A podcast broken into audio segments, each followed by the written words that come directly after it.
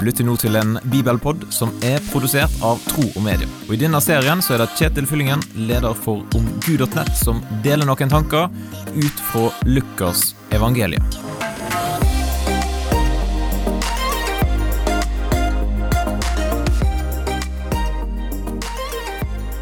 Alle mennesker har behov for å bli sitt, anerkjent og elska.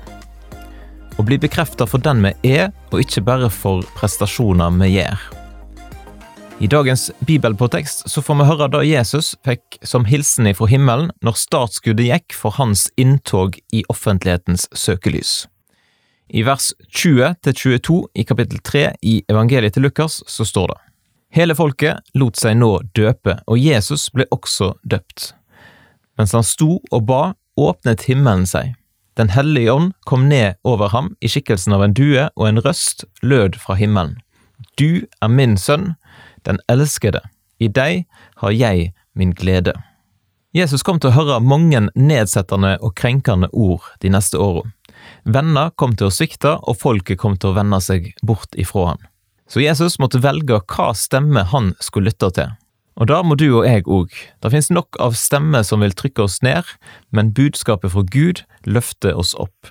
Jeg vet ikke hvor ofte du får høre sånne bekreftende ord ifra dine foreldre eller fra andre viktige personer i din nærhet, men dersom du har tatt imot Jesus, da er du et Guds barn.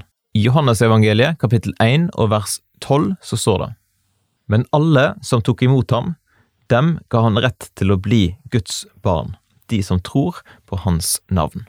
Så hvis du har tatt imot Jesus, så kan de ordene som ble formidlet til Jesus, òg være ei stemme inn i ditt liv. Du er min sønn, du er min datter, den elskede, i deg har jeg min glede.